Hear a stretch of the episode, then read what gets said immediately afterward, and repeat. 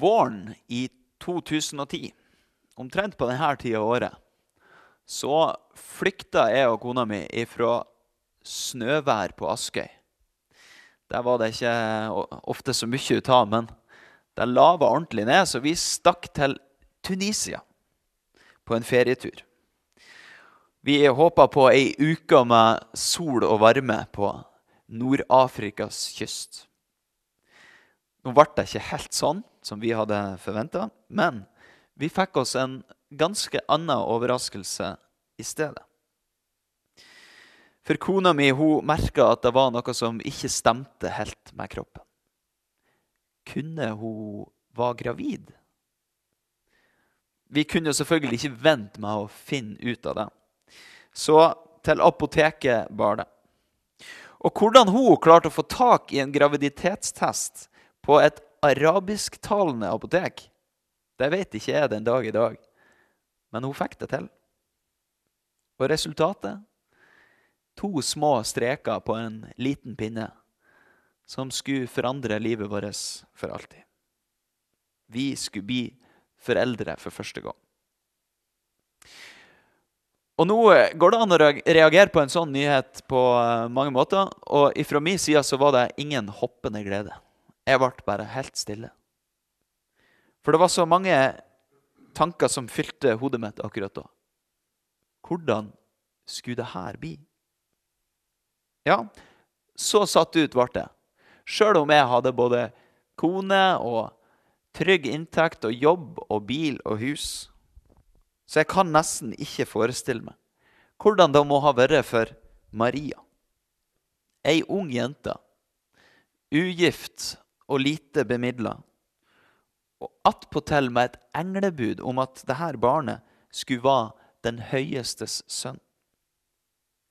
Og nå skal vi få høre hennes respons når hun besøker sin slektning Elisabeth og får bekrefta at det barnet hun bærer i magen, er noe helt spesielt. La oss be. Herre, vi takker deg for denne dagen, for at vi får samles til gudstjeneste, at vi får samles om dette ord. Nå ber vi deg om at dette ord må bli levende i oss, slå rot og bære frukt for Jesu Kristi skyld. Amen. Dette hellige evangeliet står skrevet hos evangelisten Lukas i det første kapittel. Og Vi leser ifra vers 46 til og med vers 55 i Jesu navn. Da sa Maria, min sjel opphøyer Herren, og min ånd fryder seg i Gud, min frelser. For han har sett til sin tjenestekvinne i hennes fattigdom. Og se, fra nå av skal alle slekter prise meg salig. For store ting har han gjort mot meg. Han, den mektige. Hellig er hans navn. Fra slekt til slekt varer hans miskunn over dem som frykter ham. Han gjorde storverk med sin sterke arm. Han spredte dem som bar hovmodstanker i hjertet. Han støtte herskere ned fra tronen og løftet opp de lave. Han mettet de sultne med gode gaver, men sendte de rike tomhendte fra seg. Han tok seg av Israel, sin tjener, og husket på sin miskunn, slik han lovet våre fedre, Abraham og hans ett, til evig tid. Slik lyder Herrens ord. Hellige Far, hellige oss i sannheten. Ditt ord er sannhet. Amen. Maria hun var ingen skriftlærd, i ordets rette forstand i hvert fall. Men likevel så merker vi oss hvordan hennes lovsang er vevd sammen av gjennomgående tråder ifra ordet og som nå peker fram imot det Gud skal gjøre i og med barnet som hun bærer under sitt hjerte. Og hun står i en tradisjon fra andre kvinner i Det gamle testamentet, som også har båret fram sine lovsanger om Guds frelse. Miriam, Deborah og Hanna, hvor Maria sin lovsang blir stående som, en, som den fjerde av disse søylene. Og situasjonen hennes ser jo ikke ved første øyekast ut til å gi veldig stor grunn til lovsang. Han som er trolova med henne, han vurderer å skille seg ifra henne. Hun står i fare for å bli utstøtt av både familie og samfunn. Og hun har ingen utsikter til å klatre verken på den økonomiske eller sosiale rangstigen. Heller tvert imot. Men det er ikke det som er i Maria sitt fokus overhodet. For hun ser på hva Gud har gjort. Hun minnes at han viser miskunn i slektsledd etter slektsledd over de som frykter han.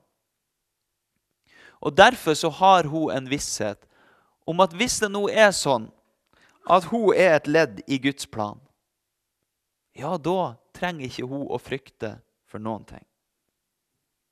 For hun som kjenner fortellingen ifra Det gamle testamentet, vet at Gud ikke ser på de samme tingene som vi mennesker ofte gjør. Alle de ytre tingene som gjør at mange av oss kvier oss for Guds kall. Jeg kan så lite. Jeg har så lite. Jeg er så lite. Nei, Maria hun vet at den som Gud kaller, den utruster han også og gir det som trengs. Hun hadde hørt om Moses. Han var motvillig, han, og trodde ikke på seg sjøl. Men i tillit til Gud så ble han en leder for folket. Hun hadde hørt om David, lille gjetergutten, som ble en stor konge i Israel.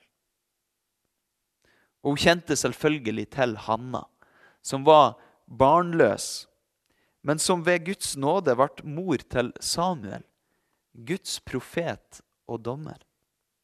Når Gud greip inn i deres livssituasjon, så ble tilværelsen noe helt annet enn de hadde sett for seg. Og så er det jo nettopp det her opp-ned-perspektivet som veller fram i lovsengen hennes. Det er ikke herskerne og de rike som har Guds gunst. Det er de lave og de som sulter. De ser Gud til. De vil Gud mette og løfte opp. Hører du hva det her ligner litt på? Jeg syns det ligner ganske mye på de saligprisningene som sønnen til Maria senere skulle bære fram i det som har fått navnet bergpreken. Salig er de fattige, de som sørger, de som er ydmyke. Hvorfor er det egentlig sånn? Jo, fordi den som ikke har noe eget å stole på, trenger desto mer å sette sin lit til Gud. Det er kanskje lettere for den som ikke har noe eget. Og den som har sin styrke i Gud, har større krefter og mer velsignelse enn den rikeste og mektigste på denne jord. For alt det her menneskelige, det blir ganske smått da, når målestokken er universets herre. Og det er jo nettopp Gud som er objektet for lovsangen. Det er han som gjør sine mektige gjerninger. Gjennom det som for oss ser smått og svakt ut. Det vet Maria. Og nå er det hun som er det ydmyke redskapet for Guds inngripen i vår verden. Og det virker som om hun aner konturene av hvor stort det er, det hun skal forbi en del av. Alle slekter skal prise meg salig, sier hun. Ja, nå sitter jo vi her, 2000 år senere, og 5000 km unna, og minnes ordene til ei ung tenåringsjente fra Midtøsten. Og vi minnes hun i takknemlighet for at hun tok imot kallet fra Gud med et åpent hjerte og en villig ånd. Det er ikke så fryktelig lenge nå til vi skal feire påske. Og så kommer denne påminnelsen om at jula er på vei, langt der framme. For det henger jo sammen, det her. Uten Jesu fødsel, ja, så var det ingen påske. Det var ingen kors, ingen seier. Men ved Marias villighet så har Gud grepet inn og snudd opp ned på alt sammen. Guds sønn har steget ned til oss. Han har lært oss om Guds rike og veien dit. Og hans kors står planta midt i vår tilværelse. Til soning for mine synder, og til forsoning for meg og Gud, og mellom meg og min neste. Alt fordi Maria var villig til å ta imot kallet ifra Gud og la sin lovsang strømme fram over hans gjerning. Hva skal så vi si i dag? Hva er din situasjon akkurat nå? Jeg kan jo lett se for meg at uh, for mange av oss så er det ikke så mange ytre omstendigheter som gir grunn til lovsang og jubel.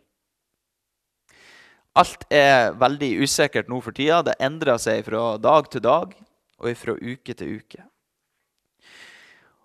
Og jeg har mange ganger tenkt på at det er godt at ingen fortalte meg på denne tida i fjor at det kom til å være sånn som det er nå, ett år seinere. Da vet jeg ikke hva jeg hadde funnet på. Og så vet jeg også det at det er mange som har det mye verre enn meg. Jeg som bare er lei av hjemmekontor og ikke forstår menigheten min. Vi har mennesker iblant oss som opplever økonomisk usikkerhet. Som opplever slitasje i familie og i ekteskap. Som har helseproblemer. Som lever i ensomhet og i mørke. Så la oss huske på hverandre. Løft hverandre fram for Gud i bønn. Og kanskje ta den der telefonen som vi har tenkt så lenge på. Og så et litt radikalt forslag. La oss lovsynge i dag. I ren trass mot alle omstendigheter. Og kommer ikke lovsangen sånn helt av seg sjøl, så kan du jo få låne Maria sine ord i dag. For også vi kan stole på hans frelse. Vi kan sette vår lit til hans sterke arm. Griper han ikke inn? Jo, han har grepet inn. Og han har ikke vendt sitt ansikt bort ifra oss. Vår styrke skal være i stillhet og tillit til Gud.